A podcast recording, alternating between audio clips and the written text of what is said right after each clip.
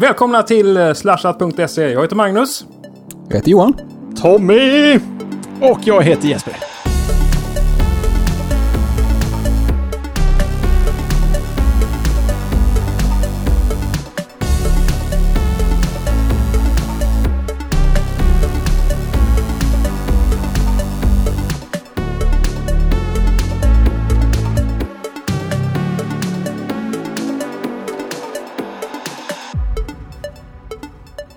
Ännu en strålande varm tisdagkväll sitter vi här och det vi har tisdag den 22 juli. Eh, värmerekord eh, sveper över hela Sverige. Det är liksom över 30 grader och SMHI går ut med varningar. Och Tommy, du är helt uppåt väggarna har jag hört uppe i Lerum här. Det är ju så fantastiskt gött med sommar. Alltså jag, jag mår som bäst när jag svettas. Kan man säga. Du är inte lite varmt. Men det ska vara så här, det ska liksom vara svårt att sova, man ska inte ha täcke på sig, man ska sova naken. Det här är ju livet just nu. Nu mår jag som bäst. Kan jag säga. Skidresor är också trevligt, dricka lite öl och basta. Men nu, nu, nu tid. Jag borde egentligen flytta utomlands. Men svettas naken i sängen, det är, det är där du är som det är där du mår som bäst. Alltså. När man är på väg att glida ner ur sängen på grund av svetten, då tänker jag nu är livet, nu leker livet.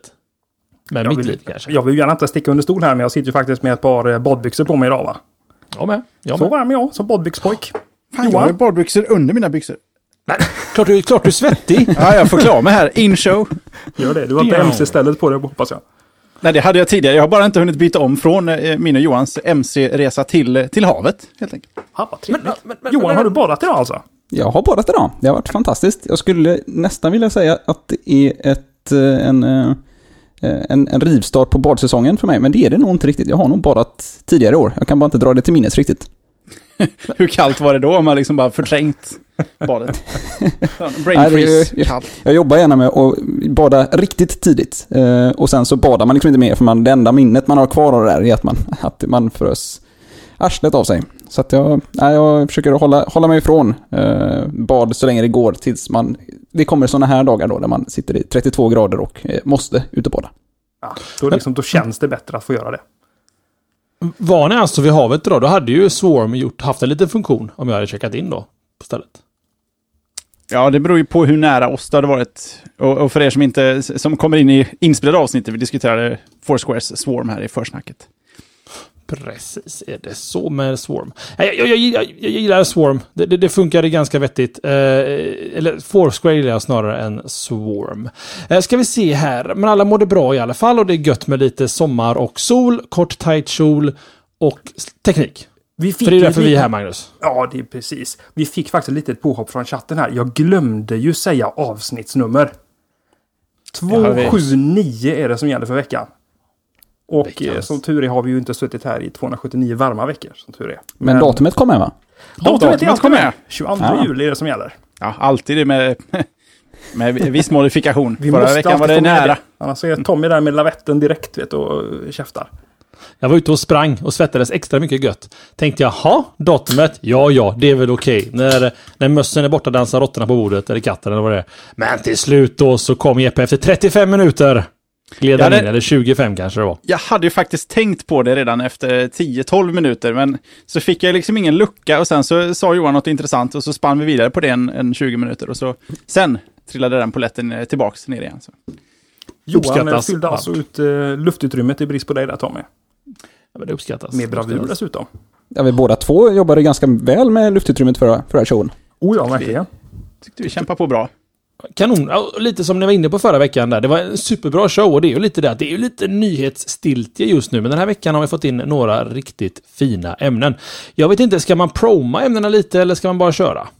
Ja, jag tycker att vi, vi river av förra veckans poll och sen så bara myser in på första ämnet. Jag tycker du kan ta det Magnus, du har ändå öppnat showen så att säga. Gör jag det. Gör jag det. Förra veckans poll, då Jesper och eh, Johan som satt här förra veckan eh, fastnade helt och gått i ämnet kryptering. Eh, varpå förra veckans poll lämpligt bli, lämpligtvis blev krypterar du din data?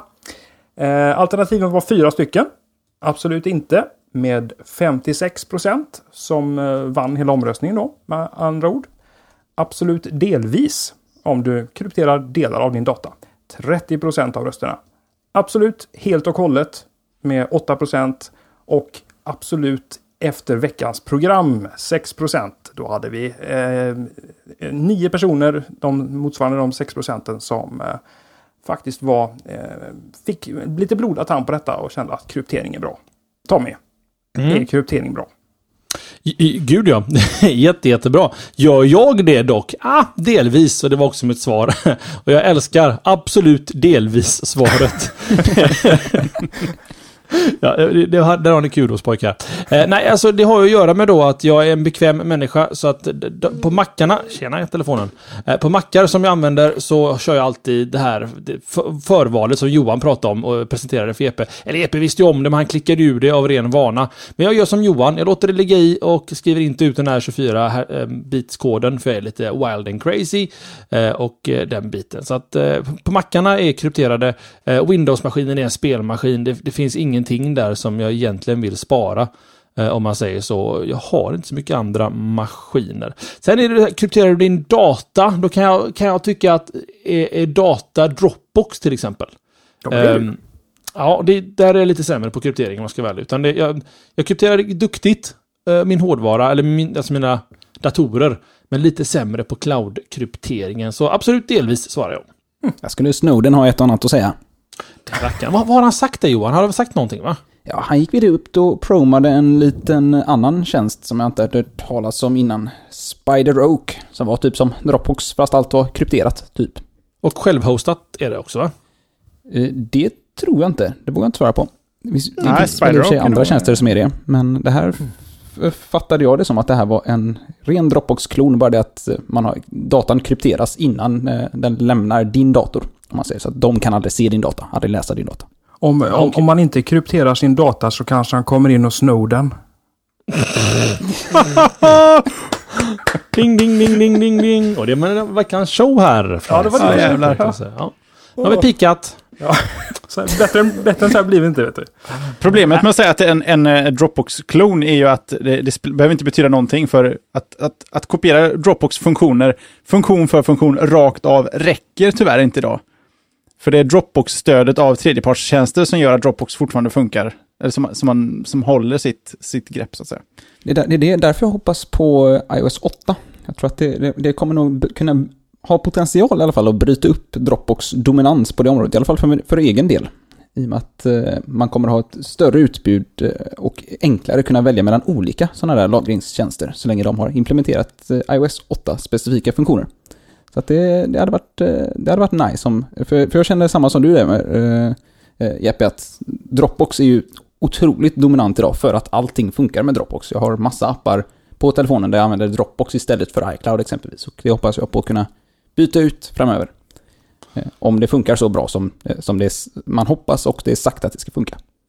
Ja, och sen har jag en fundering där angående Dropbox och Spiderock och andra liknande tjänster. För att jag fick för mig att Spiderock var eh, self-hosting, det var det inte. Eh, men eh, finns det inte en vit, liten risk i att, och vi kommer snart tillbaka till pollen, men vi får lov att sväva ut lite nu för tiden. Finns det inte en liten risk att lägga saker på hosted away-sajter? Jag menar, Spiderock kan ju bli uppköpt av Yahoo och läggas ner om en månad. Absolut, men då kan du ju bara byta. Ja, och där har jag faktiskt ett tips. Det här, eh, där planterar jag inte åt mig själv här nu, utan men Mover, eller Move.io. Mover.io. Det har säkert Mover. Mover, Mover är klockrent. Ja, det är fan ver- De tar bara en kopia av din data, sen skickar de vidare den till din eh, nästa stora tjänst. Exakt. Och eh, pitchen är egentligen då att du, du kopplar upp via tredjeparts-pluginsen då, eller autentiseringarna, din Dropbox och din Spideroak. Så kan du säga att varje söndag vill jag backuppa hela min Spideroak till min Dropbox. Egentligen. Gör bara inte en cirkel så att du backuppar Dropbox till Spiderock. Då har du ett, ett helt annat problem att jobba med. Eh, Men, men till exempel nu så lade de ner Ubuntu One. Eh, och då satt jag där och tänkte, Åh, jag orkar jag dra ner all skit och bara krångla och det har det, bla bla bla. Men med Mover.io så tog det åtta timmar och så, det var bara i och för sig två gig data. Men ändå, boom! Raka vägen till eh, Dropbox och en mapp som heter eh, Ubuntu One Backup. Eh, rekommenderas i alla fall. Men tillbaka då till kärnfrågan. Eh, upplever du, eh, Magnus, att du, du har ehm, en liten oro för att lägga saker på de här tjänsterna just, finns de kvar om ett par år? Eller är det ett antiproblem? Oj, du, du eh, svävar lite grann ifrån eh, grundfrågeställningen som jag trodde Ja, skulle återkopplat här. Eh, Alltså, jag, jag lever ju i mångt och mycket i eh, Google Drive och även i Dropbox. Och det, jag känner ingen oro för det. Eh, faktiskt inte. Mm, borde jag det? Jag, jag, jag, kan, jag, kan, jag kan förfina frågan. Ja. Jag, jag är väldigt orolig att Google skulle gå i konkurs och lägga ner Drive. Uh, för att Drive är en sån central, nu har jag i och för sig gjort det med andra tjänster, men jag tror att Drive är en sån central del i hela deras företagsfilosofi, att det måste vara kvar. Men SpiderOak, vilka är de? Vem ligger bakom det? Nu är det krypterat och det är inte säkert att prata om, jag pratar snarare om, uh, kommer de ligga uppe för alltid? De ligger där på Amazon som allt annat kan jag tänka mig. Ja, så jag känner ju inte Men jag till tänker- Spideroak överhuvudtaget för min del. Så jag vill gärna ha lite mer en background story här, för det här har jag inte, här är jag inte påläst alls. Just de här synktjänsterna tycker inte jag är något problem att man skulle behöva byta dem framöver om, om Spiderock skulle eh, vilja lägga ner. För på något sätt så är det ändå bara en... Det är liksom aldrig där min, min huvudsakliga data ligger, utan de, dess huvudsakliga uppgift är ju bara att synka data från ett ställe till ett annat ställe. Inte egentligen att ha den datan hos sig. Det Mm. blir ju en, det är ju en, eh, liten, eh, en, en liten jobbig bieffekt av att de ska synka datan i att de också måste ha en kopia utav datan. De är ju inte Men- mastern så att säga. Nej, precis. Men egentligen så är det ju bara, alltså, att flytta över till en annan tjänst är ju egentligen bara att ladda hem Dropbox, installera Dropbox, eh, ladda hem Spiderrock, installera Spiderrock och sen bara flytta allting som är i Dropbox-mappen och lägga det i Spiderrock-mappen, antar jag, om de nu fungerar likadant. Det är inte, det är inte en jobbig migration där. Och du har ju redan datan, bara för att Spiderrock försvinner så försvinner ju inte din data. Men Utan datan har du ändå loka- ligger ju ändå lokalt. Den, Äh. den lilla frågan egentligen, eller frågeställningen där, sorry Johan, eller Magnus, bara en liten kort grej här. Och det är just det att ehm, Dropbox har ju sin uh, Packrat. Och jag har ju alltså revisioner av mina filer fem år tillbaka i tiden. Eh, de kommer ju inte med i den principen. Det gör de Nej, inte. men hur viktiga är de revisionerna? Då har man väl, om de är väldigt, väldigt viktiga så har man väl separata filer för dem. Ja. Jo, ja, ja, ja. Jag, jag vaggas ju in i en, en falsk tro om att jag alltid kommer komma åt den kopian just den veckan, den tiden. Eh, flyttar jag sen så, så blir det inte så längre. Men det kanske är, inte är ett stort problem. Min utgångspunkt är alltid att jag bara kommer åt den senaste kopian om jag inte aktivt gör någonting annat. Den utgångspunkten har jag typ i alla tjänster. Jag förlitar mig inte på, ja det är ju så fall riktiga backup-tjänster som har det som har det som sin main feature. Men i övrigt så, så tänker jag aldrig så egentligen. Jag kanske är det är ensam om samma- det.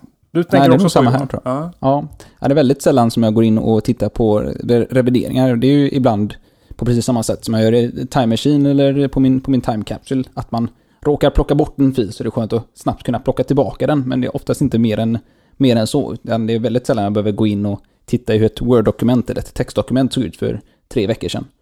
Eh, utan då ser jag det snarare att, det, att jag bara får den... Den viktigaste funktionen är att jag har den senaste versionen, inte att jag har alla andra versioner. Mm. Men, Ja, samtidigt. Det där är väl någonting som eh, vi allihopa kör ju eh, MacOS och eh, där ju, har du ju, det finns det en del bra inbyggda funktioner för, för Apples eh, egna filformat för just detta med eh, filrevisioner.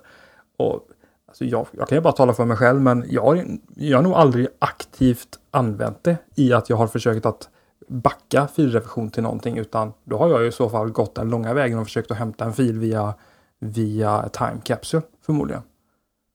Mm. För egen del. Jag vet inte, hur, använder du de, den typen av funktioner Tommy aktivt lokalt i ditt OS eller är det bara i, eh, i de här molntjänsterna? Ehm, jag, tänk, jag, kodar ju huvudsakligen med saker jag gör. Och då har jag ju GitHub och Bitbucket som löser revisioner åt mig. Jag tänker på våra grafiker på jobbet som jobbar med PSD-filer eh, och använder Dropbox som en incheckningstjänst egentligen. Att, Mm. de kan, att de kan komma tillbaka till tidigare states i en grafikfil egentligen. Eh, Det är snarare... För att det, Det är ju inte, det är ju inte en bra lösning egentligen, för då, det borde de ju ha lokalt på sin disk, eller eh, lokalt i systemet istället för att förlita sig på en, en sådan tredjepart. För det är ju inte, det är inte alls Dropbox huvudsakliga syfte att göra, att förmedla den där tjänsten. Där kanske vi kan, jag vet inte om Jesper om, om du har någonting att tillföra där just när det gäller eh, Photoshop och PSD-filer och om de har liksom, om de har lagt till stöd för det här med filrevisions i OS 10 eller? Har du någon koll på det? Oj, nej, jag, jag önskar att jag borde veta sånt. Det borde jag nästan egentligen veta, men å andra sidan, jag sitter ju faktiskt inte längre i Mac-miljö med eh, den sortens sysslor. Och då eh, har jag tappat lite fingret på den, eh, den pulsen. Stenehall är snabbare i chatten. Det, det, versionshantering finns ju i Photoshop nu och inbyggt i Adobes cloud. Att du kan revisionera in saker där. Men, men det hjälper ju inte om du sitter delvis i 3D Studio Max eller någonting och delvis i Photoshop. Alla de här Fast det gäller väl bara. Photoshop-filer lagrade i, i själva molntjänsten. Vilket jag upplever ingen gör. Nej, det är lite samma. Vi, vi, det var också ganska dyrt, tror jag, om man vill ha revisioner. Det var någonting vi sa nej till, men det, det kostade för mycket pengar. Eh, Vi provade också GitHub, men det var inte heller klockrent att använda. Men det finns någon specifik tjänst som gör detta, men jag har glömt namnet på den. Får jag, får jag backa, eh, eller får jag backa tillbaka till krypteringen lite? För nu hamnar vi i någon sorts eh, molnlagring här. Eh, Dropbox är ju krypterat. I, sig som tjänst. Eh, problemet här antar jag då som in, icke-expert är att det är inte du som sitter på krypteringsnyckeln så att säga. Det är inte din kryptering, det är deras. Fast datan är ju inte...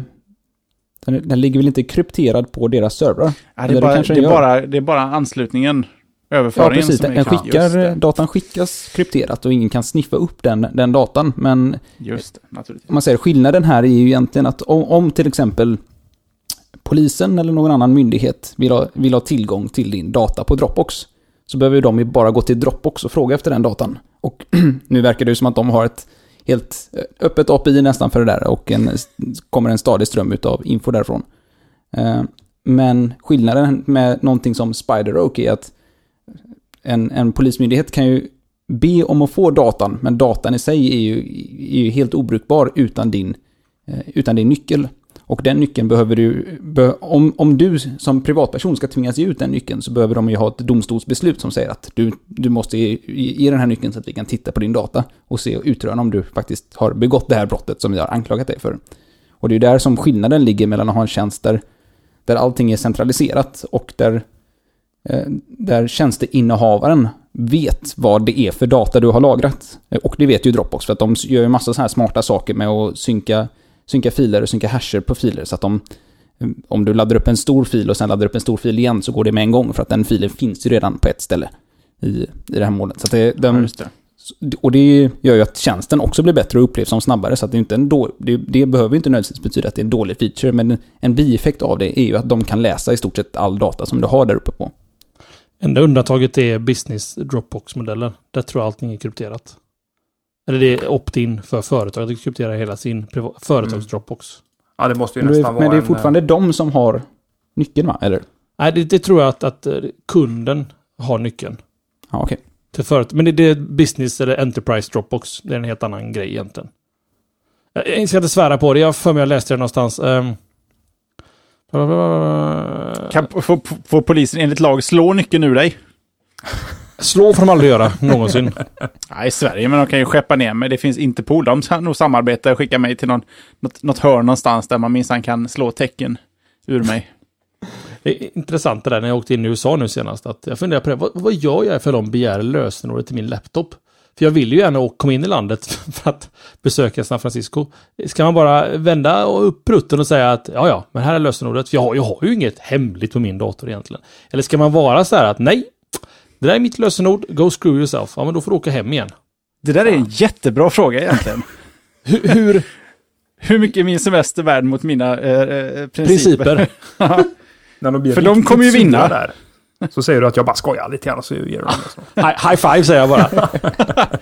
Ah, kidding! Säg så här då. Skulle någon ha, vara så principiell att de inte hade uppgett lösenordet. Och nu du, du har betalt en veckas semester, hotellen är bokade, du är där med din fästmö, flickvän, pojkvän, eh, KK, X, vad som helst. Finns det någon i gruppen som skulle säga du får inte mitt lösenord? Jag skulle inte ta med datorn. I det läget. Ah, smart. Men jag, är redan, jag och Johan har redan diskuterat lite eh, kryptering på klipporna idag när vi badade. Och jag tyckte det finns en bra idé här. Se till att ha två konton. Ja, just det, gästkontot. Ett, precis, ett, ett, eh, ett helt ledigt konto där naturligtvis ska ni få lösenordet. Och så ser du bara till att den botar tre först. Jag Så liksom kommer förbi det. Nej, men du kan ju till och med ha ett helt vanligt konto som, som heter ditt andra namn eller whatever. De tittar i passet och vet inte vilket som är ditt riktiga namn. Och så skulle du potentiellt kunna egentligen helt, eh, helt och hållet dölja faktumet att du har alla dina vapenritningar på den där andra, andra kontot. Ja, vapenritningen. Men ingen För så intresserar de inte. ingen skulle neka att ge dem sitt lösenord. Jag hade inte, jag hade inte, jag hade inte nekat. Nej, det hade inte jag heller. Varsågod, ta det bara.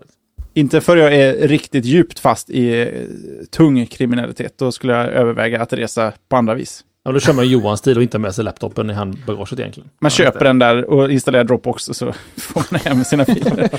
så ringer de Dropbox och så är det över i alla fall. Fan också. Spyrogue då. Ja, men, så, så det får egentligen konkludera då att eh, absolut delvis har jag röstat den här veckan. Toppen! Det var, det var alltså förra veckans boll detta. Sväva ut och blev ett helt ämne på en kvart liksom. Och jag har inte faktiskt inte fått, jag har inte fått svara på Nej, bollen du än. har inte fått svara Johan. Eller Jesper. Nej. Varken någon av oss. Så vi har hunnit halv, halvvägs innan bollen. Ja, Johan, kör hårt. Jaha, okej Johan. Eh, Jag eh, svarade eh, absolut helt och hållet. Eller, vilket egentligen inte är sant här nu inser jag ju, för jag har ju exempelvis helt okrypterad data på min Dropbox, blir jag ju smärtsamt medveten om.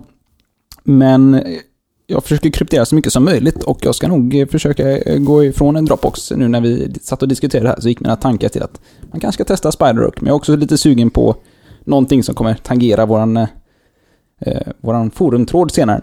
Men också lite sugen på att hitta någon lösning där man kan självhosta så mycket av den där datan som möjligt så att man inte behöver bry sig. Och, eh, men sen så, alltså, kommer liksom, man kommer alltid ha någon data som inte är krypterad. I och med att vi använder, för det här använder vi Google Docs exempelvis. Det är ju inte krypterat. Så här, det har ju Google tillgång till hela det här dokumentet och hela, all den här informationen här. Eh, så att, eh, ja, får väl försöka revidera det här och försöka se, se vart, hur principiellt fast man ska vara. Men eh, jag försöker, jag har aktiverat på alla mina mackar och eh, försöker använda lite eh, krypterade DMG för extra speciell information. Så att, eh, ja, jag försöker göra mitt bästa. Jesper? Har du krypterat? Ja, absolut. Efter veckans program, eller förra veckans program om vi ska vara petiga nu. Och du satt ju nästan med fingret på eh, krypteringsknappen där i, i eh, in show och vill väldigt gärna trycka. Ja, och jag märkte ju naturligt, eller jag, jag, det är skönt att man ändå har blivit lite vuxen. Man inser att man ska inte trycka på sådana här knappar mitt i livesändning. Det, och jag höll mig hela vägen tills avsnittet var publicerat. Och lagom till jag hade krypterat allting, då behövde jag partitionera om en disk. Och då var jag bara tvungen att avkryptera, för att det var tydligen det enda drawbacken med att kryptera en disk, det var att man inte kan partitionera om. Men eh, nu är jag minsann påkrypterad igen. Eh, å andra sidan, då är jag ju enligt mig helt och hållet krypterad. Men och så har vi då Dropbox och alla molntjänster. Och så är jag egentligen inte helt krypterad. Men en sak behöver vi lösa, för det finns ju väldigt mycket Dropbox-användare där ute. Mm. Det går väl att kryptera sin Dropbox eh, old school-stilen genom att man kör, säg en krypterad DMG sparad i Dropbox eller något åt det hållet. Det blir extremt omständligt, men Absolut, men problemet då är ju om den där DMGn, om du har gjort den på, på 2 GB exempelvis, som vi säger att eh, drop, standard Dropbox-lagringen är ju på 2 GB. Så smäckar du upp en 2 GB DMG där som är krypterad. Eh, eller en skivavbild som är krypterad. Det betyder ju att varje gång du ändrar saker i den där filen så måste den ju skicka hela den här 2 GB-filen upp till Dropbox varje gång. Eh, vilket gör att jag, har en känsla av att det kan uppstå många eh, synksituationer där, det, där saker och ting går fel för att det inte alltid man hinner få ner 2 GB på ett par sekunder som det brukar ta annars för att Dropbox och göra sina synkar när man öppnar upp laptoplocket. Så att det är väl där, där är det största problemet. Men det går ju absolut. Jag har ju exempelvis en liten en sån här krypterad DMG som ligger på min Dropbox. Där jag har eh, ja, dels så har jag min eh, One Password Keychain och lite annat liggandes där som man vet att det här skulle potentiellt kunna be ha behov av att kunna eh, komma åt den här informationen. Men jag vill inte att, jag vill att den ska vara krypterad. där gick vi i mål med... Ja, det kändes så va? Det känns så. Eh, Jag tror att vi har, eh, vi har väl satt eh, förra veckans forumtråd där. Eller forumtråd, poll. Nu, nu blir det ämnen. Yay! Yay! Johan, Mm. varför tror jag att du sitter bakom eh, första veckans, eh, veckan, veckans första diskussionsunderlag? Är det inte så? Så är det inte alls. Det är Jesper som tänker prata om eh, Microsoft och eh, allting som de tänkte lägga ner. För de sparkar en massa folk, eller hur Jesper? Precis. eh, Det här dök ju upp, vi hade väl, om inte jag minns helt fel så dök det här upp eh, lite innan förra veckans show. Men det var ett sånt mastigt pressmeddelande som var så extremt eh, svårtuggat att och då var det bara jag, jag och Johan som satt där. Jag, jag sa rakt ut till Johan att det här är, det här är så svårläst. Jag orkar inte ta mig igenom det här. Kan vi prata om något annat? Och nu Jag har vi har ju haft semester. Ja, semester. Jag vill inte gå tillbaka och jobba en dag för att förstå vad det är han egentligen menar, läsa mellan raderna. Men nu har vi fått en vecka på oss, man har kunnat läsa det i eh, en sjundedels tempo och lyckats ta sig igenom Nej, nu ljuger jag. Jag har låtit andra läsa igenom den och eh, sammanfatta det snyggt. Och då blir det betydligt mer intressant att se vad det är som har hänt. Och vad är det då som har hänt? Jo, eh, Satya Nadella, den nya vdn på Microsoft, han har eh, ganska så... Eh, jag höll på att säga tydligt, det har ju inte alls. Eh, de är fortfarande, de är, det är ett skönt corporate-språk i den här pressreleasen och även interna eh, kommunikationen på Microsoft runt vad det är som pågår. Men eh, the gist of it, så att säga, är att det ska sparkas 18 000 människor eh, Eh, på Microsoft eh, över de kommande 12 månaderna. Och det finns eh, vissa avdelningar som ryker helt och det finns eh, vissa avdelningar som slås ihop och eh, människor som byter fokus. Och eh, fo eh, fokusbytet verkar vara egentligen det hela ehm, stora syftet med, med den här eh, de, går väl, de går väl kanske inte så mycket plus som de hade hoppats på, så att eh, någonstans behöver de göra någonting. Men ett par saker som, som var intressanta här är att de lägger ner två stycken områden eh, som, som kanske inte hade, eh, som jag personligen inte tycker de skulle ha börjat med. Och Satya Nadella fick ju en liten eh, grov, lite tung start med tanke på att innan Bolmer drog så såg han till att, en, att man köper upp Nokia, det verkar vara en bra affär. Eh, och för den som, vill, som har koll på siffror, eller som inte har koll på siffror, kan man säga så här att när de har sparkat 18 000 människor på Microsoft de här närmaste 12 månaderna, så är de fortfarande fler än vad de var innan de köpte Nokia. Alltså det här motsvarar inte mängden människor de har fått i och med köpet av förlusttyngda Nokia. Så det är en, eh, det är en uppförsbacke utan dess like. Ett par av de sakerna som, eh, som Nokia, inte Nokia, Microsoft tänker lägga ner är, och det här kan ju inte komma som någon överraskning för någon överhuvudtaget. Nokias Android-mobiler, de heter väl Nokia X? Eh, X va, precis, heter den X. serien. Ja, det var, ju, det var ju lite överraskande faktiskt att, att den överhuvudtaget presenterades. Det var ju, de hade ju ändå, Nokia hade ju ändå meddelat eh, egentligen innan det blev klart att Microsoft... Eh, eller, ja, det var ja, någon gång ganska tidigt så meddelade Nokia att de hade, de hade testat Android på den här eh, Lumia 900 eller 920 eller någonting, kommer jag ihåg. Ja, just det. Mm. Ja. Eh, och eh, sen blev det väl då klart att de skulle göra den här Android X. Men icke. Men det var ju uppenbart att det var därför nästan Microsoft var tvungna att köpa dem. Var, Nokia var ju deras, deras enda bundsförvant i det här eh, mobilkriget. Så att ja, de var ju helt klart nära att förlora Nokia till Android, eh, en, en, den homogena eh, Android-massan. Mm. det är så, eh, det är så sjukt uppenbart. här, här, Microsoft har ju helt enkelt stått bakom Nokias försök att ta sig ifrån Microsoft. ja. Beviset är ute att de var på väg därifrån. Mm. För det, det var väl så att, att, att Nokia hade avtal med Microsoft under en tvåårsperiod, om inte jag minns fel, om att använda eh, Windows Phone i, som gränssnitt i, i alla sina telefoner. Var det inte så? Som har koll där. Uh. Nej, det kanske inte... Nej. Nej, det var ingen som hade koll där. Då står jag fortfarande oemotsagd. Men hann inte Microsoft ta över Nokia innan Android-mobilerna släpptes? Kunde man inte bara fullständigt skurit bort den helt.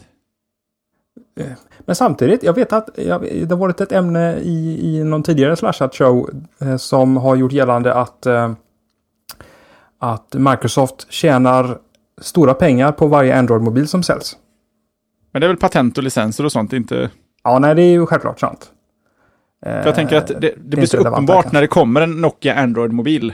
Mm. Att här här har de försökt att eller här har de insett att Microsoft är inte våran lösning. Och helt plötsligt så är Microsoft eh, de som äger Nokia. Då hade jag ju, det första jag hade gjort var bara lägga locket på det. Se till att det där aldrig når någon. Att ingen får veta att vi höll på med det där. Det kommer bara vara det, det starkaste tecknet på, på svaghet någonsin. Att inte, ens, att inte ens Nokia, som är så förlusttyngt, trodde på Microsoft som ligger så efter. Microsoft kanske inte ens trodde på det själva, tänker jag.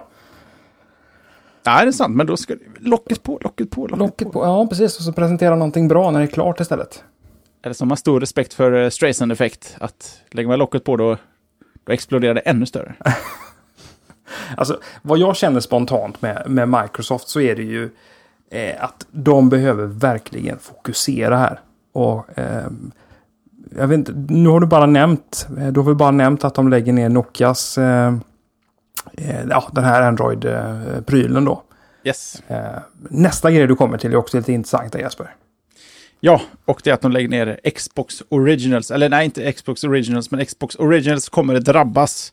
Och Xbox Originals är helt enkelt Microsofts satsning på eh, eget innehåll eh, för eh, deras Xbox-plattform. Helt enkelt någon sorts Netflix gjorde sina House of Cards, uh, Orange is the new black och så vidare. Xbox vill också vara med här. De har gjort någon serie, de gjorde någon, eh, någon liten serie som handlade om streetfotboll inför uh, fotbolls-VM till exempel. Um, och de har ett inhouse-bolag som producerar, um, och ska producera, eller skulle, ska vi säga, som heter Xbox Entertainment Studios, heter det så? Osäker där. Åh, nu har jag stängt ner länken här. Men uh, inhouse, jo just det, precis eh, Xbox Entertainment Studios. Det lägger de ner helt och hållet. Eh, de hade planerat massa, eh, precis som Amazon bland annat. Det är, ju, det är att producera sitt egna innehåll. Det, det, har ju varit den stora snackisen senaste året. Men eh, där eh, inser de att eh, nej, vi för allting knyter tillbaks till det Satya pratade om, att eh, nu, nu ska vi minsann streamlina och fokusera här och det här är kanske inte riktigt vad vi ska hålla på med. Var inte det stora dragplåstret på Xbox Originals, var inte det den här eh, tv-serien, Halo-baserade tv-serien av Steven Spielberg? Just det, precis. Men den produceras inte in-house. Ah, okej. Okay. Utan den är ute någon eh, extern partner och alla, och det är också viktigt att säga, de externa partnerserna härlig mm. svengelska, som är inblandade i det här, um, de kommer fullfölja sina uppdrag. Sen vet man inte vad som händer efter det. All så att right. säga. Men uh, de, det var även den här dokumentären till exempel om uh, Atari-spelen som hittades i New Mexico. Den är också gjord av en extern part, så den kommer ju fullföljas och komma ut i, i Xbox Originals. Men uh, Xbox Entertainment Studios, minsann, um, de, de stänger ner helt och hållet. Så det är så. Det, ja, det är fokus. Jag, jag, alltså det här behövs. Eh, Aftonbladet eh, skrev ju lite roligt eh, att eh, Microsoft lägger ner Xbox. Skrev de så? ja, det var någon sån här slarvig. Det är klart, jo det gjorde de faktiskt. Det är därför jag, det är därför jag eh, blockat X, äh, Xbox, äh, Aftonbladet i min hostfil. Ja, men du vet, skärmdumpar på Twitter, vet du, man kommer aldrig undan det där. Nej, undrar varför. Det här med att skärmdumpar, att dela skärmdumpar har blivit väldigt populärt och jag vill inte... Vill inte... Skärmdumpar på andra folks tweets. Det är så jag jobbar här nu. ja, de är svåra att copy-pasta innehållet i dem i alla fall. Svåra att retweeta. Ska, um, bara, bara förtydliga en sak. Jag, jag har säkert fel i vanlig ordning här, men um, är det skillnad på Xbox Live Originals och Xbox Originals? Xbox Live Originals låter ju mer som någon typ av uh, livesänd. Uh, Xbox Live Originals var ett initiativ från Microsoft där de emulerade gamla Xbox-spel. Och gjorde ah. de spelbara på Xbox 360. Mm. Okay, ja, det ska vi ja. nog inte blanda ihop. In, inte relaterat. Det är inte relaterat. Okej, okay, bra. Nej, för det, var... det, här är bara tv, streamad eh, och eh, livesänd och eh, förinspelad eh, original eh, videoinnehåll. Okej, okay, vilket dumt namn från Microsoft att välja det då. ja, det var det bara såga av det. Originals video content eller något annat som kanske gör det mer, ja jag vet inte, unikt. Jag tycker det, det stör, mer Microsoft-aktigt om, du, om du gjorde den, den titeln till fyra, fyra eh, ord istället för två. Ja, det, det känns betydligt mer som en Microsoft-produkt. Originals Home, Originals Pro. Jag kan inte, jag inte gotta deras gott här. Okej, okay, ja, men det, det är bra. Okay, ja, men då, bra med förtydligande till och från. Originals NT, det är bara server side, det är bara tennis ja, fan, Nej, jag ska, inte, jag ska inte konkurrera med Göteborgs vitsaren Magnus idag känner jag. Nej, Nej jag, jag gillar försöket. Servrar. Hopp! Eh, jag har inte sagt så mycket om ämnet. Eh, jag är dåligt påläst på detta. Eh, semestermode med mig utan tvekan. Eh, alltså, Men, mm. Nej, nej fortsätt Tommy. Ja, min fundering var egentligen bara, är detta ett sundhetstecken från ett företag? Att man eh, strip, eh, streamlinar, streamar. Ja, ja. streamlinar sin verksamhet lite. Att man ser var kostnaderna går som kanske kan sparas in. Eh, eller är det ett tecken på problem? Eh, Thunder in Paradise för Satya Nadellas nya Microsoft. Eh, de, de gick ju från under Ballmer-eran och egentligen Bill Gates som kanske drog lite i hans trådar att eh, det skulle vara services and devices, eh, Microsoft.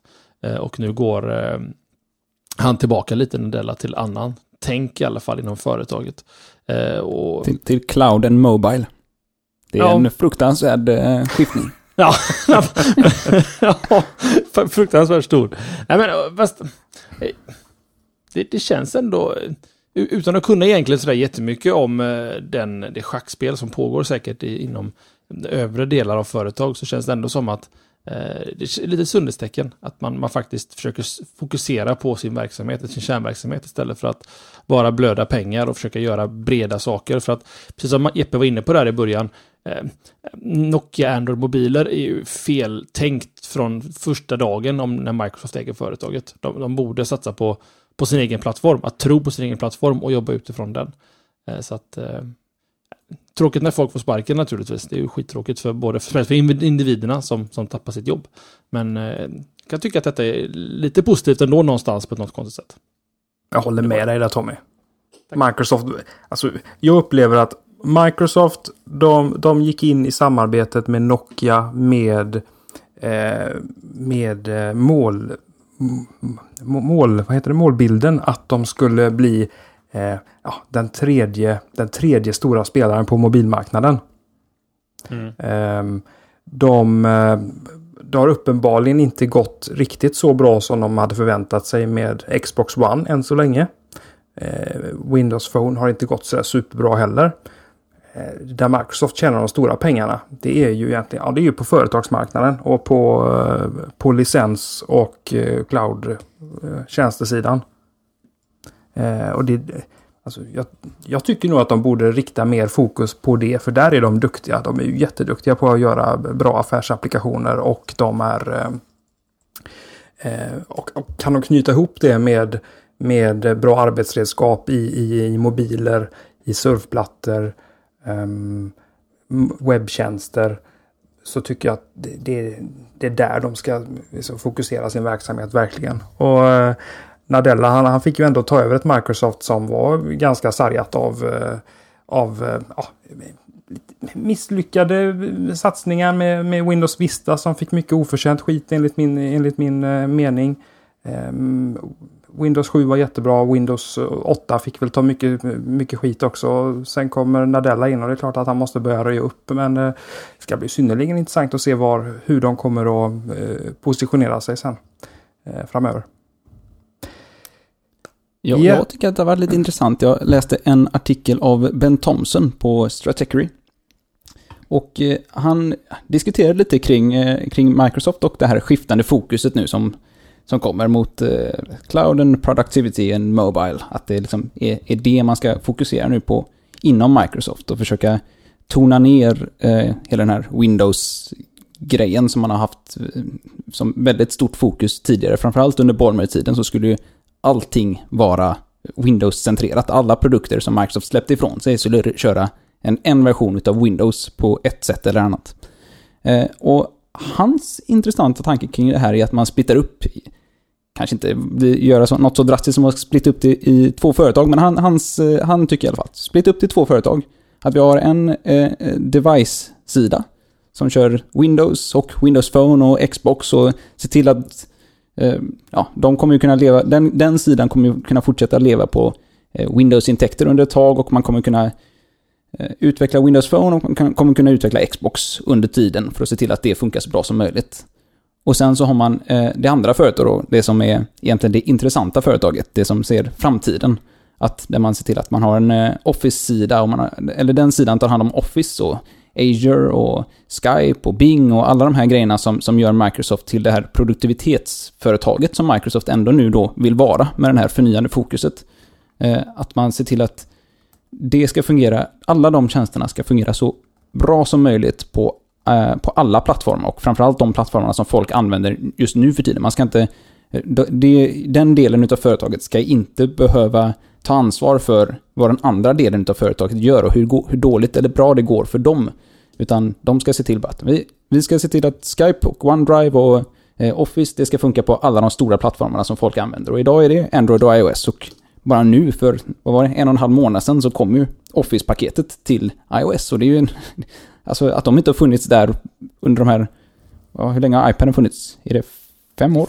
Fyra år? Ja, fyra år. Ja. ja alltså det, det, är ju, det är ju sjukt att de inte har funnits där. Det, det, det stod ju så skrivet i sten redan när den kom att det här det kanske man kan ju debattera om det här kommer vara framtiden för hur man producerar och konsumerar eh, all sorts data, men det är ju i alla fall en del utav framtiden för att folk vill använda de här produkterna och framförallt telefonerna eh, står det ju helt klart att telefoner är, smarta telefoner är här för att stanna. Och ändå har de varit nästintill osynliga på de här plattformarna och alltid prioriterat sina egna plattformar, även om Windows Phone då har, gått, har det gått väldigt dåligt för. Så att man istället för att att den ena sidan måste ta ansvar för att ja, de har 14% användar, användarbas på, på telefonsidan så, så kan de istället fokusera på att göra så bra produkter som möjligt eh, som, som utgår från att alla ska vilja använda de här. Att göra ett så bra produktivitetssvit som möjligt. Och jag tror att det, det, det finns no, det ligger någonting i det, för jag gillar ett Microsoft som inte är knutet till det gamla Microsoft. För det gamla Microsoft är ju väldigt mycket Windows. Och hela tänket att ska, alla ska köra våra plattformar, men istället skifta fokus då till att alla ska utnyttja våra produkter. Men, eh, Johan, det, det här uppdelade Microsoft som du talar om. Mm. Är, det, är, det så du, är det så du uppfattar att det kommer att bli? Är det så du vill att det kommer att bli? Det är nog så, att, så jag vill det kommer att bli. Det kommer ju inte bli så. Eh, För det hade, i så fall så hade det varit betydligt mer sensationellt. Jag tror att de kommer ta en långsammare väg framåt och jag Ja. tror att de kommer eh, efter tid nu skifta över fokus till de här nya grejerna. För Satya Nadella kommer ju från en, en bakgrund där han eh, var ansvarig för Azure. Och det är ju därför hela det här fokuset nu på eh, Mobile och Cloud och Productivity. Att det är det som, att det, det, det är det förnyade fokus. Men det kommer ju ta åratal av för kulturen inom Microsoft att fungera. För det, det räcker ju inte bara att, det vet man ju själv liksom, det räcker ju inte bara att chefen säger att det här ska vi göra. Utan det tar ju, det tar ju tid för, för ett, i ett företag, framförallt ett företag av den här storleken, att det här ska eh, droppa ner till alla mellanchefer och alla, alla personer som jobbar där och faktiskt vilja utföra det här. För att man kanske är helt nöjd med det som man har gjort hittills. Men, men där är jag intresserad Johan. Därför att jag lyssnade på förra veckans avsnitt. Där pratade du om, eh, om det nya Apple. Och hur, hur Tim Cook eh, nu då rattar, rattar Apple eh, som ett företag att eh, där, eh, där du inte sätter team i, i, i tävlingar mot varandra för att liksom hitta de bästa lösningarna. Utan lå- låter alla team jobba tillsammans för att liksom eh, få, få en, en, ett, fungerande ekosystem om jag använder ett slarvigt ord. Eh, det känns som att vi, du är, som, du är två ändar av, av, eh, av samma, eh, av samma tråd här. Jag vill att så länge det går bra för ett företag så är det ju skitbra att man, att man, gör, det- att man unifierar systemet så mycket som möjligt, att allting fungerar så bra som möjligt. Och det har ju varit Microsofts styrka i och med att de har haft en nästintill monopol, eller de har haft en monopolställning under hela 90-talet och under tidigt 2000-tal. Eh, Man har haft en monopolställning på det systemet som folk använde vid sina datorer och använde för att folk skulle eh, för, för att utnyttja tjänst, tjänster på, på nätet, även om det inte var deras tjänster. Eh, så där funkar det ju väldigt bra för Microsoft. Problemet är ju att nu måste ju det här nya Microsoft som, som vill se till, eller de Microsoft nya tjänster som vill se till att alla de här sakerna ska fungera på alla plattformar.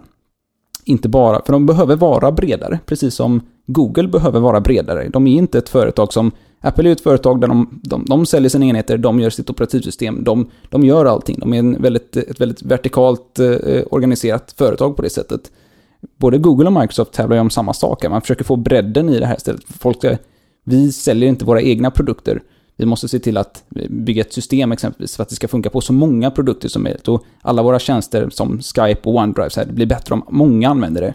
Och då måste man ju se till att kunna skilja de två åt och se till att de inte tävlar mot varandra nödvändigtvis, men att de inte eh, det, här, det företaget som, som gör alla de här tjänsterna ska ju inte vara beroende av det företaget som gör produkterna, egentligen.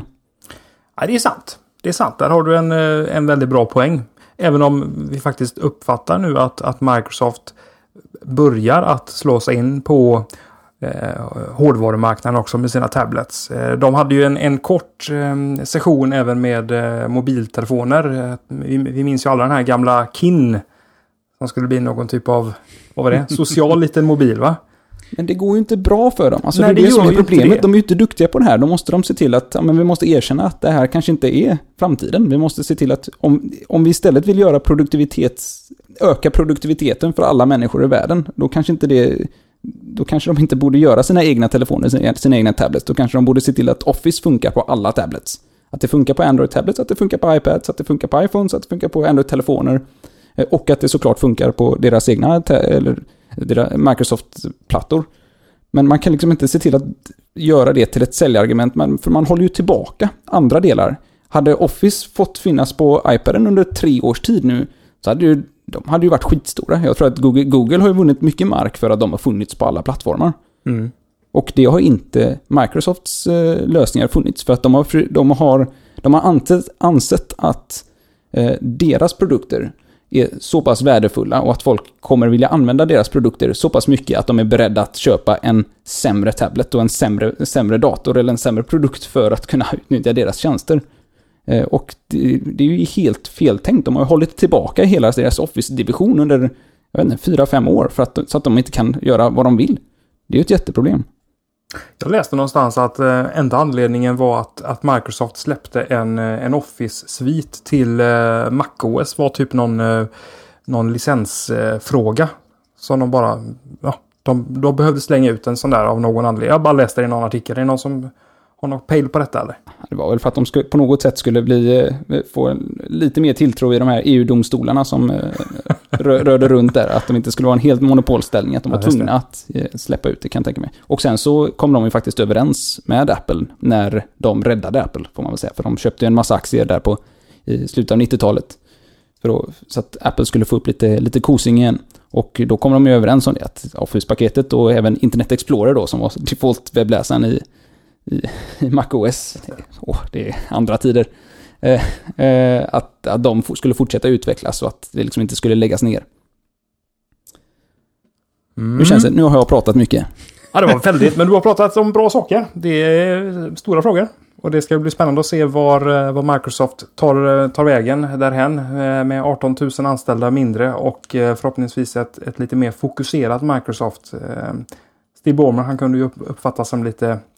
Ja, han var ju överallt så att säga. Men ändå 14 000 fler anställda än förra året, vid samma tid där förra året. I med Precis. Det gäller att göra något bra då. Men har inte Ballmer alltid andats? Det har alltid känts som att eh, hur mycket de vill innovera så är det ett gammalt företag så länge Ballmer fanns på plats. Det var alldeles för mycket historik med honom, hur bra eller dålig han än har varit.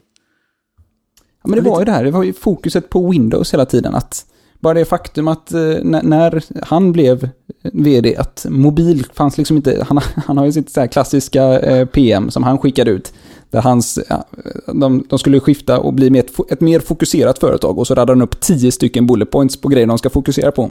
Och Musik, internet, världen och resten. precis, webben Soon. och enheter som inte är datorer. Så, ja, jo, det är ju ett jättebra fokus att ha Allt. tio stycken, tio stycken otroligt ofantligt breda ämnen eh, Eh, att fokusera på. Ja, så att det, han, han har alltid känt som att han har, han har vurmat för den här idén att Microsoft är som starkast när alla kör Windows. Vi ska se till att så många kör Windows som möjligt. Medan jag tror att Microsoft är som starkast om, om så många använder Microsofts produkter som möjligt. Så jag vill gärna se att Microsofts produkt, andra produkter blir bättre. Och jag tror att de blir bättre av att inte vara knutna nödvändigtvis till Windows. Sen ska det ju såklart uppstå synergieffekter i och med att man har båda systemen. Men det ska liksom inte vara knutet till det. Och man ska inte hålla tillbaka andra plattformar och finnas på andra plattformar för att man eh, för att man har ett eget system som skulle dra vinning utav det. Toppen! Man märker precis när det är dags för att byta ämne. Det här är nästan den sugande tystnaden som bara suger tag i, i våra fyra mikrofoner som inte ger ifrån sig ljud. Och, är det okej om jag hoppar rakt över till veckans forumtråd? Kom igen, Jörpa. Och eh, jag tror... Det här baserar inte på någon sorts eh, beräknad statistik av någonting jag har gjort. Jag, jag har helt enkelt inte räknat. Det är bara en känsla jag har. Fjorgyn lär stå för de flesta topicsen vi har haft som har blivit veckans forumtråd. Så att det kanske en liten en inofficiell applåd till honom här eh, tills jag har räknat om det stämmer. Veckans forumtråd är då av Fjorgyn. Och frågeställningen är ganska enkel. Varför har man en NAS? Och det är väldigt...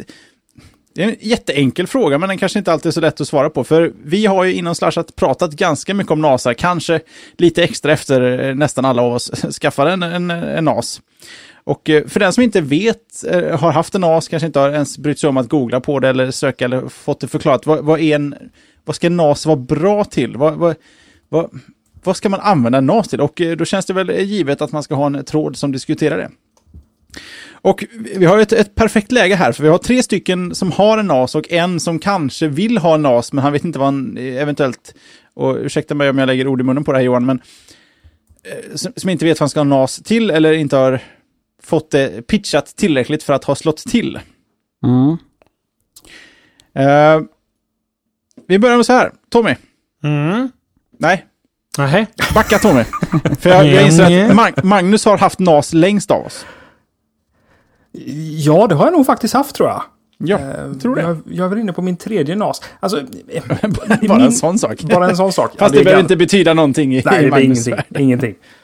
Bara att jag eh, har haft NAS länge. Jag är ju så gammal också som jag alltid får höra. Eh, fick jag sagt det också. Eh, Min, min grundtanke när jag skaffade min första NAS, det var nog egentligen bara den enkla lösningen att ha ehm, media tillgängligt på, på alla mina datorer i hela huset. Eh, och ja, nu har jag ju fler än tre datorer. Vilket eh, då, eh, då är det bra med NAS. Annars eh, en, en extern USB-disk är ju, den, den är ju helt klart begränsad där. Visst, du kan koppla in den i kanske en, en router om med lite tur. Men NASen skulle då hantera mitt Plex-bibliotek för, för media. eh, Mina, mina eh, inlästa CD-skivor, eh, foton, eh, backup. Och eh, alltså, nu är jag tror jag som sagt inne på min tredje NAS och den har fortfarande samma användnings... Jag använder den fortfarande till samma sak. Jag, jag servar mina maskiner med, med media av olika slag och jag eh, hanterar backup till den. Eh, och svårare än så tycker jag inte att det behöver vara. Sen finns det ju alltså... NASar idag har ju så en himla massa tilläggsfunktioner. Um, om, man, om man går upp lite grann i prisklass och skaffar någon av de här stora märkena så finns det ju... Det finns stora communities kring, um, kring NASar och kring mjukvara för, uh, för de här uh, Linux-baserade um, operativsystemen som ligger på dem. Ja, jag vet inte. Tommy, jag släpper in dig här för du, du sitter ju på nästan exakt samma typ av enhet som jag gör. Mm. Lite storebror bara va? Lite. Synology eh, 212J heter den jag har. En Ja, liten rackare. Jag ska titta här. Jag, jag, jag Du har en 1512, eh, 1512 plus Tommy. Okej, jag har samma som Jesper. Det här är bra radio. Nej, det är inte usel radio. Eh, alltså vad jag egentligen skaffade den för, det var för att jag behöver backuppa lite saker lokalt, bilder och sånt. Och då fan- passar den bra att vara som en, som, som en eh, aktiv, passiv enhet i huset som alltid är igång och tar backuper på saker. Och så time capsule på den också för att backuppa lite data. Eh, Och lite surveillance station för kamerorna i huset och sånt där. Eh, I vanliga fall, förr i tiden, så satte jag upp min egen lilla Linux-maskin. Eh, som var dåligt byggd för jag byggde den själv och det var inte bra lufttillförsel och utdragning av luft och den hängde sig och bråkade. Eh, och det här är en, en, en färdig Linux-maskin egentligen i mina ögon som du har källaccess till och du kan ladda in appar och du kan lägga in Py- Python på den och skriva egna saker och tota med den. På, på en stabil plattform och välbeprövad plattform. Så att därför har jag en NOS, Magnus. Vad bra. Jesper, du var ju också... eh, Du hakar ju på. Du blev ju lite sån här lite NAS-introducerad när, vi, när jag eh, presenterade min Synology, kom ihåg, för ett par år sedan. Ja, jag tror jag blev väldigt förvånad. Eh, Kanske inte borde ha blivit, men en gång i tiden, första gången jag hörde NAS, uttrycket NAS, så, så betyder det i princip att eh, att, eh, jag vet inte, vad heter de, eh, Buffalo eller Lazy eller någon hade släppt en hårddisk med en Ethernet-port i princip. Extern disk som du kunde koppla in i sladden. Och så, har du helt, så dyker det upp en hårddisk och så kan du lägga filer där. Och så tänkte jag, jaha, ja, jag har ju, jag har ju min, min HTPC som står i, i mm, tv-bänken som alltid är på, den kan ju lika gärna agera det. Och sen så började du prata om program, operativsystem och tänkte det här, det där låter ju inte som en, den NASen jag läste om en gång i tiden. Och sen när man började kika runt lite och, och insåg att det, det, det är ju en, en sorts effektiv liten dator som är extremt specifikt riktad på NAS-funktionalitet. Och visst, man kan naturligtvis bygga sin egna dator och köra massa NAS-liknande funktioner, men de här är verkligen byggda för att göra saker som den där nätverksenheten som inte är en dator, utan som gör saker baserat på att den enheten vet om att den alltid kommer att vara igång. Mm. Och funktionerna är byggda därefter. Eh, och jag är helt såld och jag använder min eh, Synology till så mycket mer än jag faktiskt trodde redan när jag köpte den. Och inser och anser ändå att jag använder en jätteliten del av vad den faktiskt kan. Det finns extrem potential i alla saker den kan göra. Den kan ju egentligen göra vad som helst på den. Du har till och med AirPlay-stöd på den va? Ja, bara en sån sak. Någonting jag borde kika jättemycket mer på. Jag som sitter och svär dagligen just nu hur jag ska lösa min, mina AirPlay-problem i min lägenhet. Kanske... Ja, och, och, Plex har väl en Medias eh, server-app till, eh, till just Synologys NASAR också för den delen? Ja, tyvärr funkar inte transcodingen tillräckligt. Eh, processorn är lite för slö för att fixa realtidstranscoding. Men om du vill ha med dig saker till exempel så kan du ju låta Synologyn ehm, um, eh, transkoda dem, um, inte i realtid, utan att du, du ber den förbereda saker och sen så synkar den över det så har du det med dig. Då kan den stå och tugga i, mitt i natten utan att du har en massa datorer igång till exempel. Men eh, transcodingen funkar väl till mobilenheter va? Det är väl bara till 1080 som inte funkar, är det så? Nu satte jag dig på pottan nu. Ja, det har jag faktiskt inte tänkt på. För Ja, det där är en bra videofråga. Jag, kan tänka, alltså jag bara förutsatt att är det 1080 in så måste den ju göra någonting med det för att göra ner det till en mindre kvalitet. Det är där i problemet ligger. Å andra sidan, det tar ju mer kraft att göra. Du menar att eh, koda ner det till SD skulle helt enkelt inte vara några problem? Citera mig inte på det. det jag, kan, eh, jag kan vara ute och sväva lite grann här, men jag för mig att läst någonstans om att det ska funka på Synology-nasarna. Men jag... Fast det låter, det låter ju rimligt, det gör det. Det är bara att jag har också en Mac Mini som faktiskt är igång, så att egentligen... Ja. jag, inser ju, jag inser ju ironin i att jag har en, en dator som står igång dygnet runt också, som, som sköter all transcoding. Men det skulle jag definitivt vilja eh, djupdyka i. Tyvärr är det ju så att vill man ha en Synology NAS som, eh, eller jag tror någon NAS som fixar transcoding av 1080p, där du inte behöver tänka på att det har några prestandaproblem, då måste du upp i en prisklass som är långt, långt utanför vad man kanske uh, från början anser sig ha råd med. Oh ja, då pratar vi väl NASAR på i alla fall en 10-12 tusen minst, eller? Jag tror du får börja på 15 uppåt. Wow.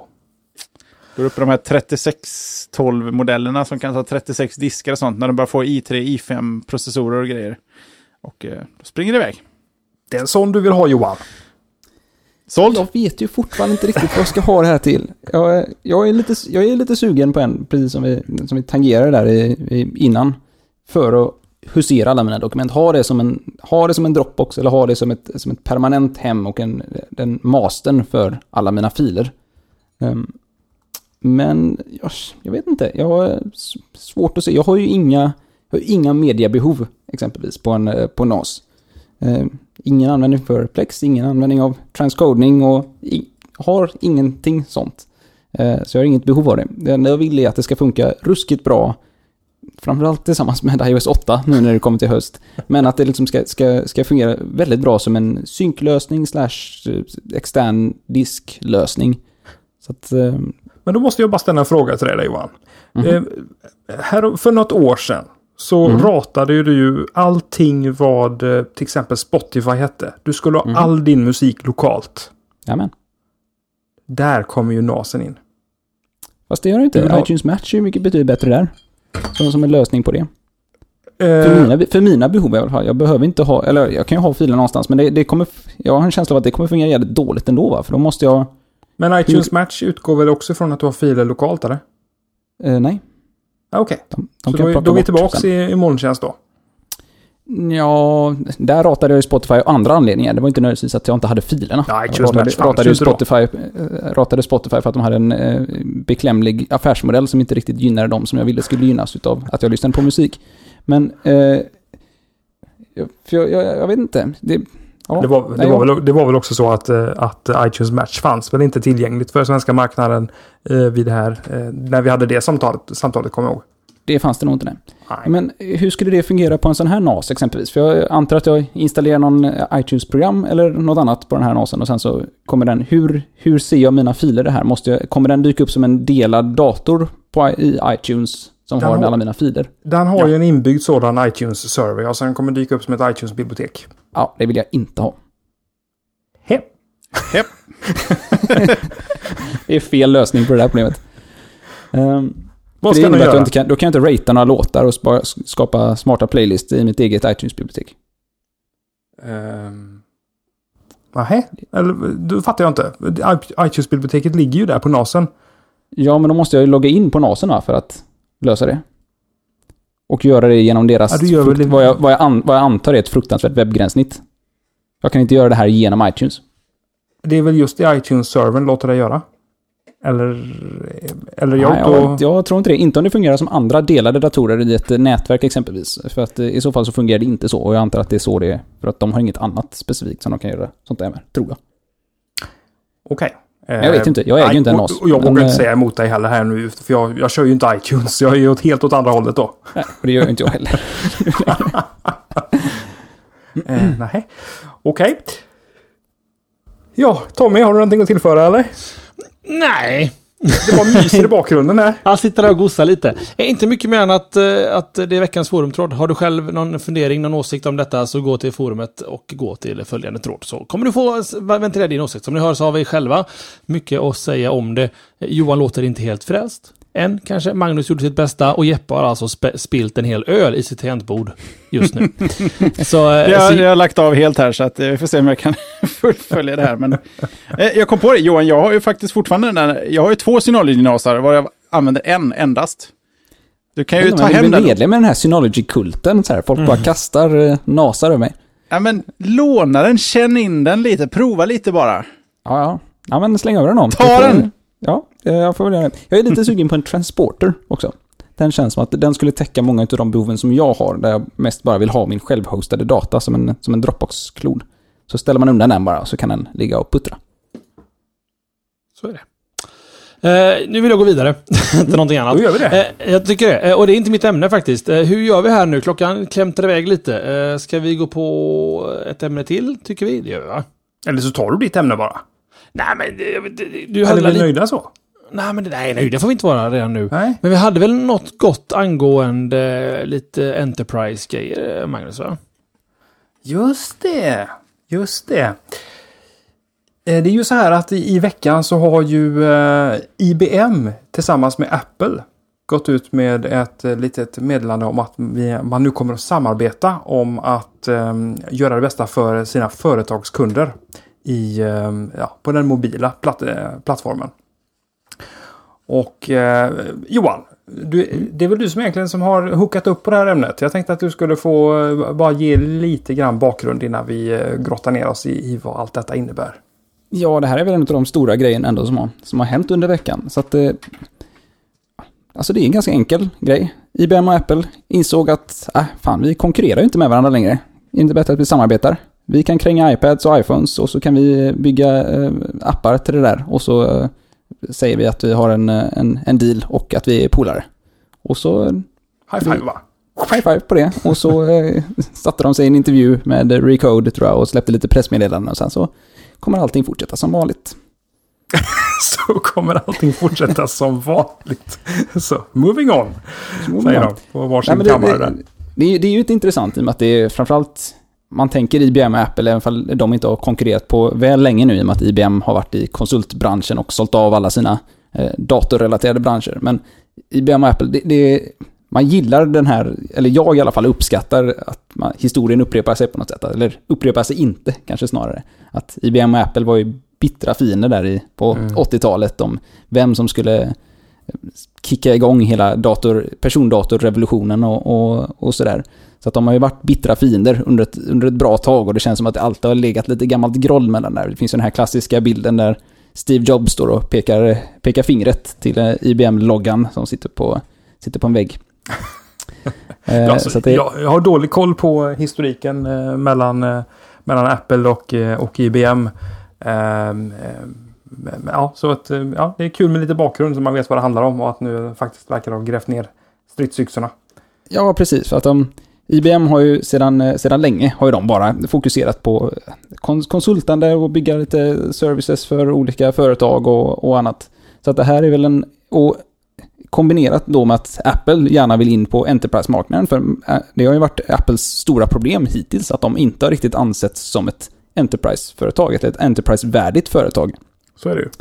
Eh, utan de är liksom alltid sett som att ja, men de är konsumentenheter och sen så har de fått en liten skjuts in på det här att den här trenden av att folk tar med sig sina egna enheter och får använda jobbmail och allting på sina egna enheter. Det har ju Apple fått en ordentlig skjuts av. Men eh, de, de har liksom ändå inte riktigt eh, flörtat in sig hos eh, IT-personal och IT, IT-strukturpersonal på de här riktigt stora eh, företagen. Vi är inte helt eh, övertygade där nu Tom, eller vad säger du? Vi som inte IT-personal tänker jag. Nej, inte, inte, inte jätte. Nej men det är väl skitbra. Det finns inga problem med detta. Ja, men det finns, alltså, gammalt groll är gammalt groll. Som Johan var inne på, de har en intressant historia, IBM och Apple.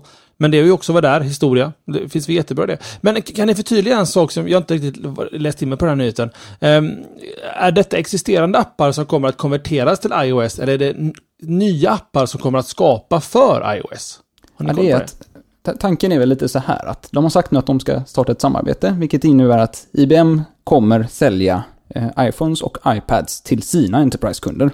Mm. Eh, och bygga appar eh, för iPhone och iPad till de här Enterprise-kunderna. Som är okay. baserat på en rad olika ämnen. Det kan vara inom säkerhet eller data eller olika segment som eh, hälsa och sälja grejer till sjukhus och sådär. Och då, ska, då har IBM tagit på sig att nu ska vi, nu ska vi avsätta en riktigt stor division utav, eh, utav företaget som fokuserar på det här och ser till att eh, vi kan sälja in de här produkterna som ett helhetspaket för Enterprise.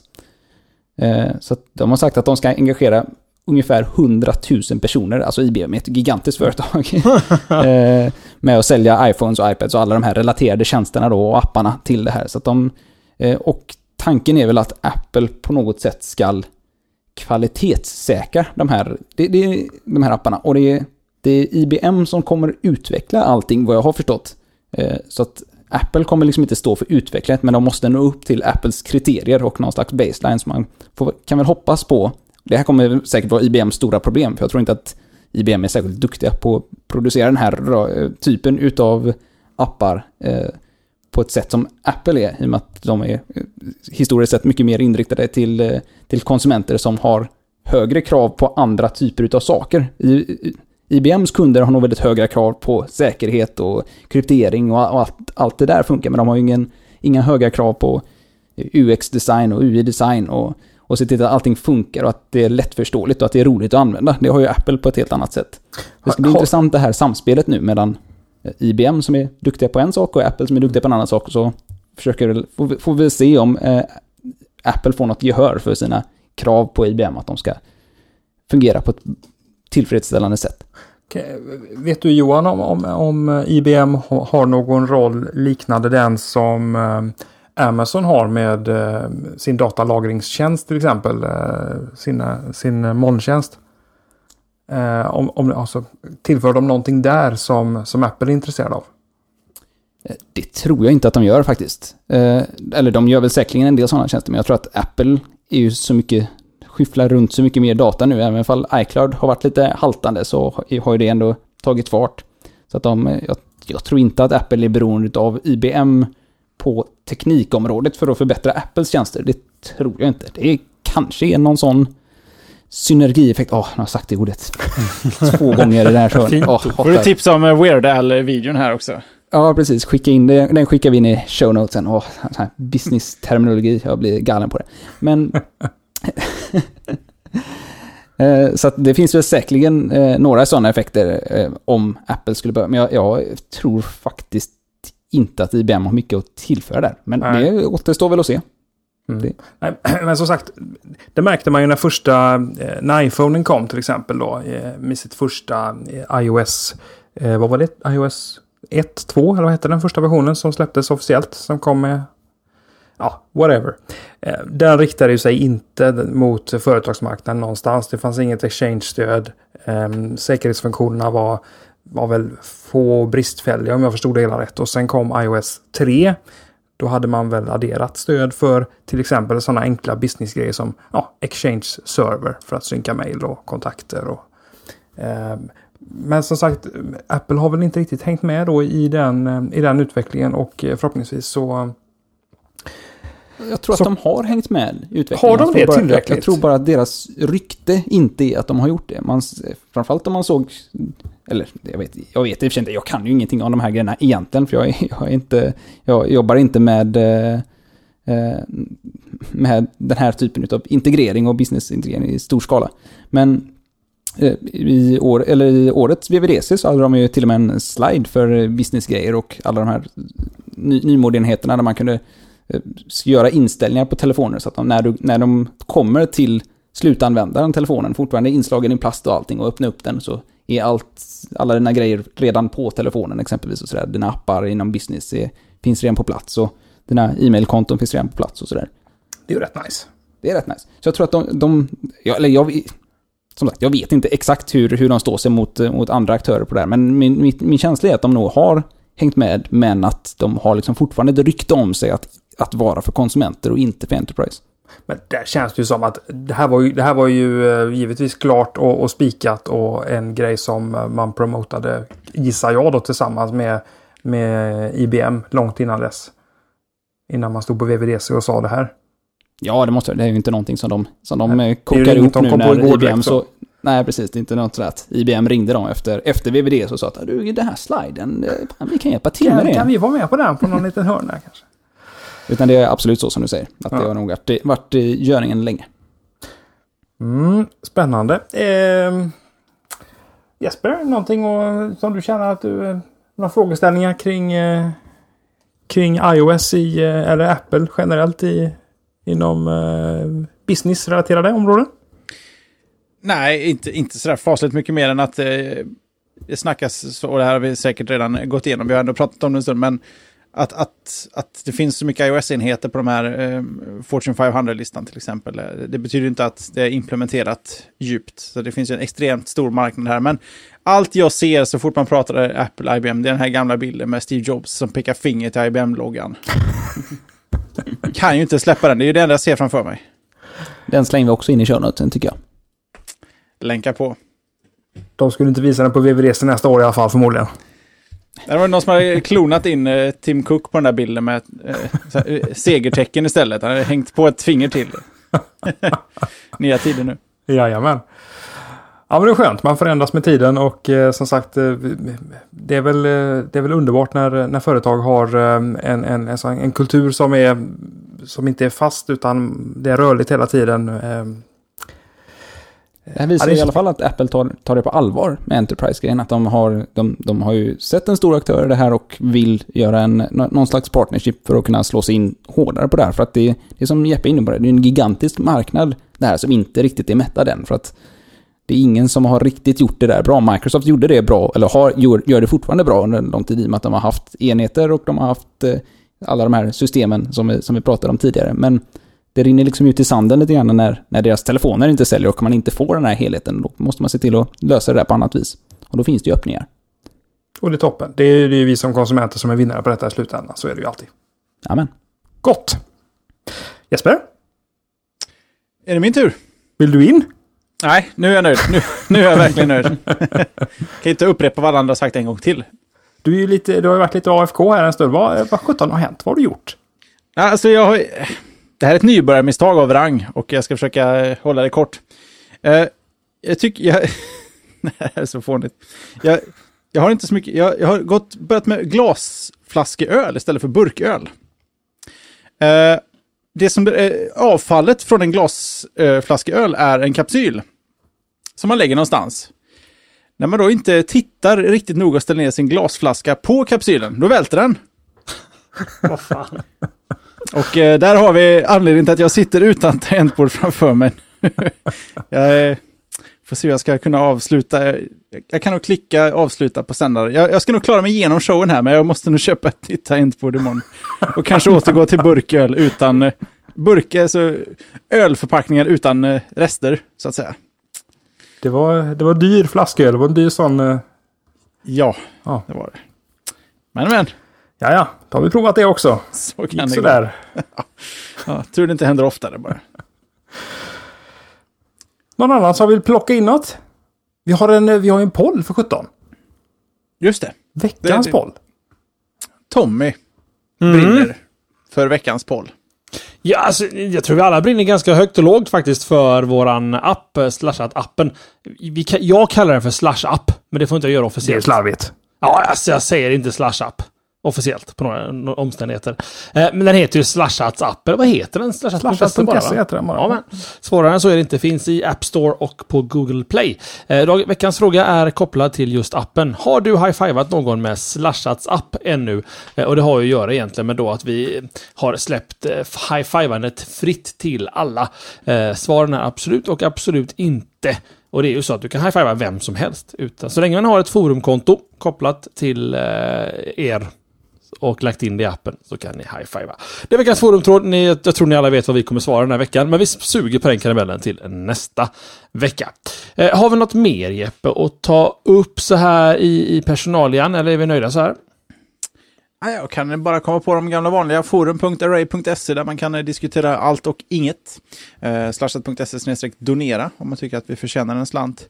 Och någonstans här så får jag känslan av att folk ska sakta men säkert vara mentalt förberedda på kanske att tycka att vi är bäst i eh, poddradiopriset. För någonstans här så brukar den alltid ta oss lite på sängen. Bör komma. Mm. Eller? Det är väl ja. i de här eh, regionerna det brukar hända grejer. Ja, jag kollade senast idag. Det var inget uppe ännu. Men eh, i september säger de att det ska delas ut. All right. Mm. Nej, men då, eh, så ni där ute, innan ni röstar, eh, vänta. vi, kan- vi kan bättre, eller vad vad ska man säga? Well. vi, vi gör vad vi kan, kan man säga. Ja, Det. Eh, I vanlig ordning så har vi ingen aning om vem som avslutar. Så, och någon skrev mitt namn i en chatt där, så då avslutar jag den här veckan. Så tack för att ni lyssnade på Slashat avsnitt 279 den här varma sommardagen i det fantastiska, eller från den fantastiska västkusten. Eh, ni kan ju lyssna på östkusten eller norrkusten. Har vi en kust åt norr? Norrkust. Ja, det är tveksamt. Norrkusten, är det den här eh, Kolahalvön? Ja. Jag, jag vet inte. Fast den är inte våran riktigt. Så, jag är nyfiken. Vi, nej, vi, vi når väl inte ända upp till eh, havet där uppe va? Jag tror inte vi har täckning dit Nej, det gör vi, nej, det gör vi inte. Men Söderkust måste vi ha en. Ja, söderkust har vi. Säger man söderkusten? Sydkust säger man nog. Syd... ja, just- Västkusten, östkusten och Västerkust. syd, sydkusten. Just det. Kusten är klar säger man sen. klingar ju inte lika bra som västkusten och östkusten kan jag ju tycka personligen. Men jag hänger inte så mycket i syd. Så kanske har med det att göra. Östkusten låter inte riktigt lika bra som västkusten heller om vi ska gå ner på riktig detaljnivå. Vi har tyvärr lite Norge mellan oss och, eh, och en norrkust i Sverige. Det är ju för nedrigt kan jag tycka. Är det så att vi drar lite grann på detta nu eller?